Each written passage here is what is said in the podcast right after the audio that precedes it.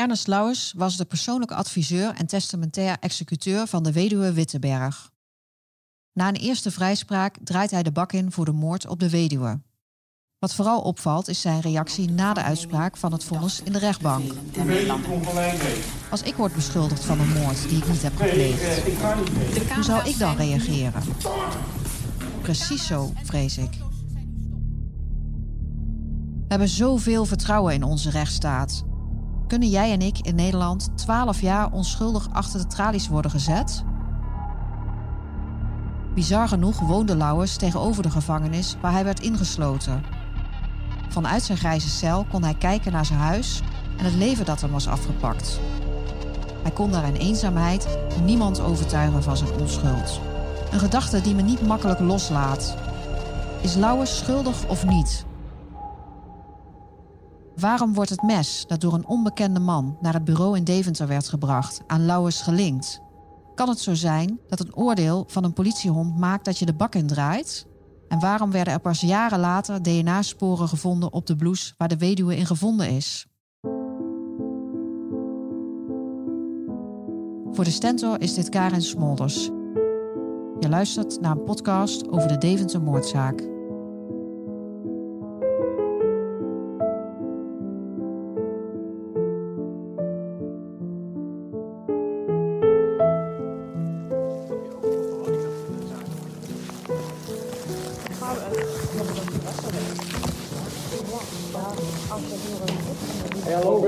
Zijn nu naartoe gedreven, zou ik willen zeggen. Hier ben ik met het schat. Eh, koffie, thee, water. Het water helemaal goed. Je hoort de stem van Ab Wormgoor, een regisseur die ondertussen met pensioen is, maar destijds betrokken was bij de geurproef. Een geurproef. Het spreekt tot de verbeelding, maar werd in die jaren bij de politie aan de lopende band gedaan. Dan werd, er werd zo'n eh, zo'n hondengeleider werd opgetrommeld. En dan moet je je voorstellen dat, eh, dat het ging met buisjes. Hè? En dan, eh, dan, eh, dan was er wel eens eh, gezoek om, eh, om genoeg mensen te vinden die zo'n buisje in de zak wilden hebben. Weet je wel, dan kwam zo'n vent. En die kwam naar rond het bureau en zei: God, eh, wil je een, eh, een buisje in de zak doen? De agenten moesten dan zo'n buisje Ja, alle agenten wie er toen beschikbaar waren, wie er zo'n bureau beschikbaar waren. Die dus niks met de verdachte te maken had, wat dan ook. Die kregen zo'n buisje in de, in, in de zak gedrukt. Buisjes dus. Agenten liepen een half uur met zo'n buisje in een broekzak. In dat buisje, of staafje, gaat uiteindelijk iemand scheur zitten. Ik herken dit van de training met mijn eigen hond. Je loopt een week met zo'n houtje in je broekzak en hopelijk pikt jouw hond jullie houtje eruit. En gaat hij er niet vandoor met het houtje van een andere hond tijdens de puppycursus. Terug naar Deventer. De buisjes kwamen uit de broekzakken van de agenten en werden op een rij gelegd. Ook het buisje met de geur van de verdachte komt er dan tussen te liggen. Dat- Dan komt de hond in het spel. Die ruikt aan het moordwapen en gaat aan de slag. Die krijgt dat onder de neus geduwd. En die loopt dan over die buisjes heen. En op een gegeven moment als hij zegt van "Wel, luister, maar dat is eh, hetzelfde geurtje van het mes. Dan, nou, dan haalt hij hem eruit. Vervolgens Ja, die, die, die honden... Nee, er is alleen die hondengeleider bij, die doet dat. Die hond die weet dat, die is op getraind. Die buizen, die buizen liggen dan meestal gewoon op de grond. Achter het politiebureau, want niemand mocht dan er zijn. Dan liep die hond, dan zag je die buisjes liggen. En dan liep die hond eroverheen, die zei dan, tjaka. Dit klinkt allemaal als de normaalste zaak van de wereld voor deze agenten. Maar het is natuurlijk ook best spannend. Hier wordt hopelijk de verdachte aangewezen. Ja, natuurlijk is spannend. In die tijdgeest was dat voor sommige onderzoeken cruciaal. En waarom was het niet cruciaal? Omdat ook op een gegeven moment eh, eh, dat een verdachte, als die ontkende en zei: Ja, we luisteren, eh, je kunt alles goed wel zeggen, maar die, die hond die is feilloos en die haalt jou. eh, Die hond heeft jou eruit gepikt. die heeft je eruit gepikt. En sommigen gingen dan door de knieën en dan bekenden ze. De hond ruikt aan het moordwapen en pikt vervolgens het buisje uit de rij dat ruikt naar de verdachte. Het klinkt feilloos. De hond linkt de lichaamsgeur van Lauwers aan het mes. Ab denkt hier een ronde zaak te hebben. Het mes is dus niet onderzocht op DNA-sporen en het lot van Lauwers ligt in de neus van een hond. Maar bij deze methode kun je ook je twijfels hebben.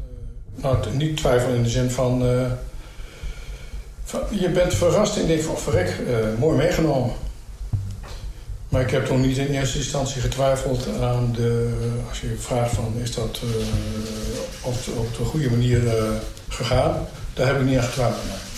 Ik heb alleen de oprechtheid van de manier waarop dat toen gegaan is. En in die tijd, dat was maar... 20 jaar geleden was dat ook uh, in, zwang om, in zwang om dat te doen. Hè? Geurproef, dat was een methode. Dat was een hele geëikte methode. Maar later hebben ze dat helemaal gekraakt, hè, die geurproeven. Ja, uh, ja, ook in dit onderzoek werd dat, ter, werd dat dubieus geacht, ook gezien de, de, mogelijke contaminatie van sporen van de verdachte, degene die werd gevonden. Ook de leider van het onderzoek, Jaap Visser, spreekt 20 jaar na dato zijn twijfels uit over deze geurproef. En wat ze daar gedaan hadden, was alle buisjes op het bureau in, in Zwolle, waar de, waar de proef heeft plaatsgevonden, aan collega's gegeven. Die, die politiemensen hebben ook wel een eigen geur. Maar het risico op dat, het, dat het toch, die hond toch meer reageert op, op die bijzondere geur is natuurlijk groter. En dat mag absoluut niet. De rechter vindt dit ook. Na een voorarrest van vier maanden wordt Lauwers vrijgesproken van de moord op de weduwe Witteberg. Regisseur Ab zegt dat het team teleurgesteld is, maar persoonlijk legt hij zich neer bij de uitspraak van de rechter. Dan wordt hij vrijgesproken, ja. Ik, ik, ja. Ik, ik, ik hul dan nog altijd het standpunt, we, ik, uh, ik, ja, dan is dat zo. Dan hebben we kennelijk ons werk, als je zegt van, ons werk niet goed gedaan. En ik vind als er gereden twijfel is over de schuld, uh, de schuld van, van iemand, dan moet je hem niet veroordelen. En wat hij dan ook gedaan heeft.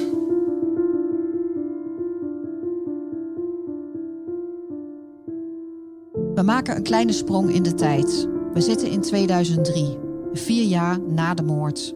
Er is een aantal jaren verstreken. Hierin is Lauwers voorlopig vrijgelaten wegens vraagtekens rondom de geurproef, daarna veroordeeld in hoger beroep en na drie jaar dan toch weer voorlopig vrijgesproken na een herzieningsverzoek. In 1999 uh, is, is die, toen de moord werd gepleegd, is die zaak nooit bij mij terechtgekomen. Het was uh, eigenlijk geen high-profile zaak. En in die tijd deed ik eigenlijk al vooral complexe moordzaken. Richard Eikelenboom krijgt een belangrijke rol in het onderzoek. Hij werkte destijds voor het Nederlands Forensisch Instituut, het NFI. Um, later, dat zal 2003 zijn geweest, toen er dus zoveel twijfel ontstond en uh, roering in de media. Toen, uh, ja, toen werd het dus wel high profile. Ja. En toen, uh, ik werkte dus op het NFI. Zeg maar, wat, wat er eigenlijk daar een beetje gebeurde, was dat alles wat complex was, dat kwam naar mij toe. Ik was gespecialiseerd in spooronderzoek. In eerste instantie wordt Richard gevraagd nogmaals grondig onderzoek te doen naar het mes. Nou, ik ga dat mes onderzoeken op verschillende locaties. Ik haal het uit elkaar. Uh, neem DNA-bemonsteringen. Vind twee vreemde mannen, maar niks met, met het slachtoffer, dan wel met de verdachte. Ja, dan is de conclusie snel getrokken dat dat mes uh, zeer waarschijnlijk niet gebruikt is bij het misdrijf. En dan is DNA natuurlijk toch wat sterker dan een hondengeurproef. En dan zeker als je dat vergelijkt met de hondengeurproef zoals die uh, is uitgevoerd. Richard is vernietigend over de geurproef die destijds werd afgenomen door de politie. Ze hebben een monstertje genomen. Ik weet niet eens, het mes is nooit op DNA onderzocht. Dus ja, um, dat had natuurlijk wel kunnen gebeuren. Daar had de coördinator op kunnen zitten. Daar had de coördinator van de politie op kunnen zitten. Dus, nou, dat is allemaal niet gebeurd. Uh, ja, en dan wordt zo'n zaak eigenlijk bijna standaard afgedaan met niet al te veel bewijs. Oké, okay. het mes kunnen we nu dus helemaal vergeten. Richard stelt voor de kleding van de weduwe te onderzoeken op DNA-sporen. Nou, toen bleek dus dat een hoop van die kleding was verdwenen. Wat natuurlijk uitermate spijtig is. Uh, maar ik heb gewoon door het DNA-onderzoek gedaan en gekeken van nou, wie zit er nou eigenlijk op die, op die blouse. Dus wat gaan we dan doen? Dan gaan we zoeken, oké, laten we nou eens kijken naar incriminerende locaties, sporen, uh, die een dader kan hebben achtergelaten. Op, en dat is dus veelal op kleding van slachtoffers. Nou, dat was in de David-moordzaak ook nooit gebeurd politiemensen kunnen wel zeggen van we hebben de goede verdachte en weet ik het allemaal. Maar ja, daar heb ik niet zo heel veel mee te maken. Ik doe gewoon waarheidsvinding en ik volg gewoon het DNA. Richard van het NFI doet dus aan harde feiten. Maar waarom is die blouse dan niet direct in 99 onderzocht op DNA? De onderzoeksleider van de politie, Jaap Visser, stuurde de blouse destijds naar het NFI. Kijk, uh, het was een blouse onder bloed en uh, technische was toen, toen had je dat DNA-onderzoek allemaal nog niet zo in, uh, in, in de ontwikkeling, zodat het later dus uh, wel is gegaan. Maar die is, die is gewoon naar de NFI gegaan. De NFI heeft hem bekeken op, uh, op sporen en met name hebben die meer gekeken naar de messteken in de, door de blouse heen. Hè, het aantal messteken en uh, dat soort dingen. Maar iets, ja, toen hadden we dan niet de echte de DNA-techniek zoals hij een paar jaar later was. De techniek op DNA leek in 1999 dus simpelweg niet voorhanden. En er lijkt sprake te zijn van zogenoemde mengsporen op de compleet met bloed doordrenkte blouse. Mengsporen was, dat was het, het hele verhaal. En uh, ja, dat was uh, degene die het toen onderzocht, heeft het daarbij gelaten. Ja, en dan kun je, kun je zeggen, heb je dat wel goed gedaan? Uh, ik, ik ben van mening, op het moment dat ik een, een, een, een spoor naar het NFI doe, dat zij het maximale eruit halen. De blouse was direct na de moord dus nooit onderzocht op DNA. Wat Richard in 2003 wel gaat doen. De hypothese was natuurlijk van oké, de moordenaar heeft DNA op haar achtergelaten. Alle ribben waren gebroken, hè. ze had vijf neststeken. Ze was gesmoord, de neus was dichtgeknepen, de mond was dichtgehouden. Er is heel veel fysiek contact geweest tussen dader en slachtoffer. Dus de kans is heel groot dat de dader DNA verlaat.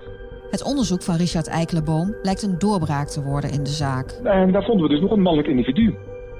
En dit is wel belangrijk, omdat uh, op dat moment hadden wij helemaal geen referentiemateriaal van Lauwers. Dus dat was een groot probleem. Ik kon hem niet eens vergelijken.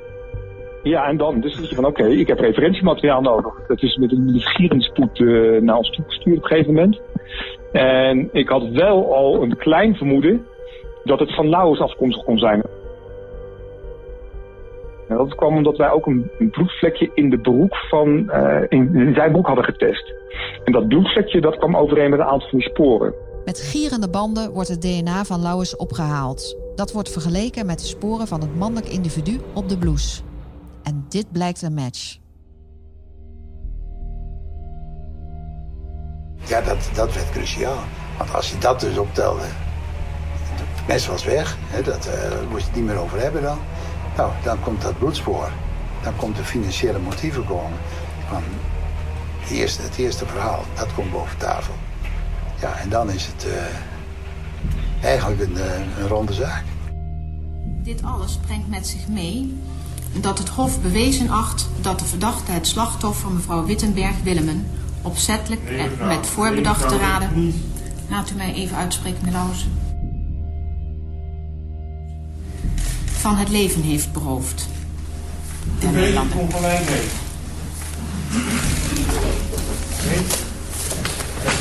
Nee, nee ik ga niet mee. De camera's zijn nu.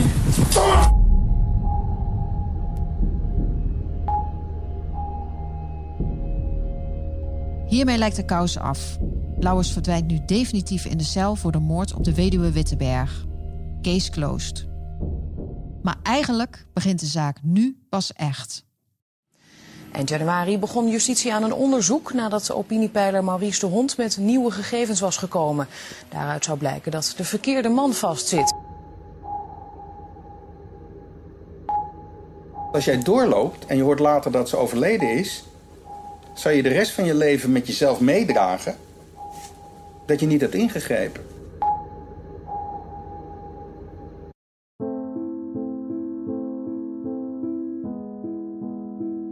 De podcast over de Deventer moordzaak wordt gemaakt door de redactie van de Stentor. Niek Verhoeven, Iva Penris, Bas Klaassen en ikzelf, Karen Smolders. De podcast is een productie van David Achter de Molen van het Podcastkantoor.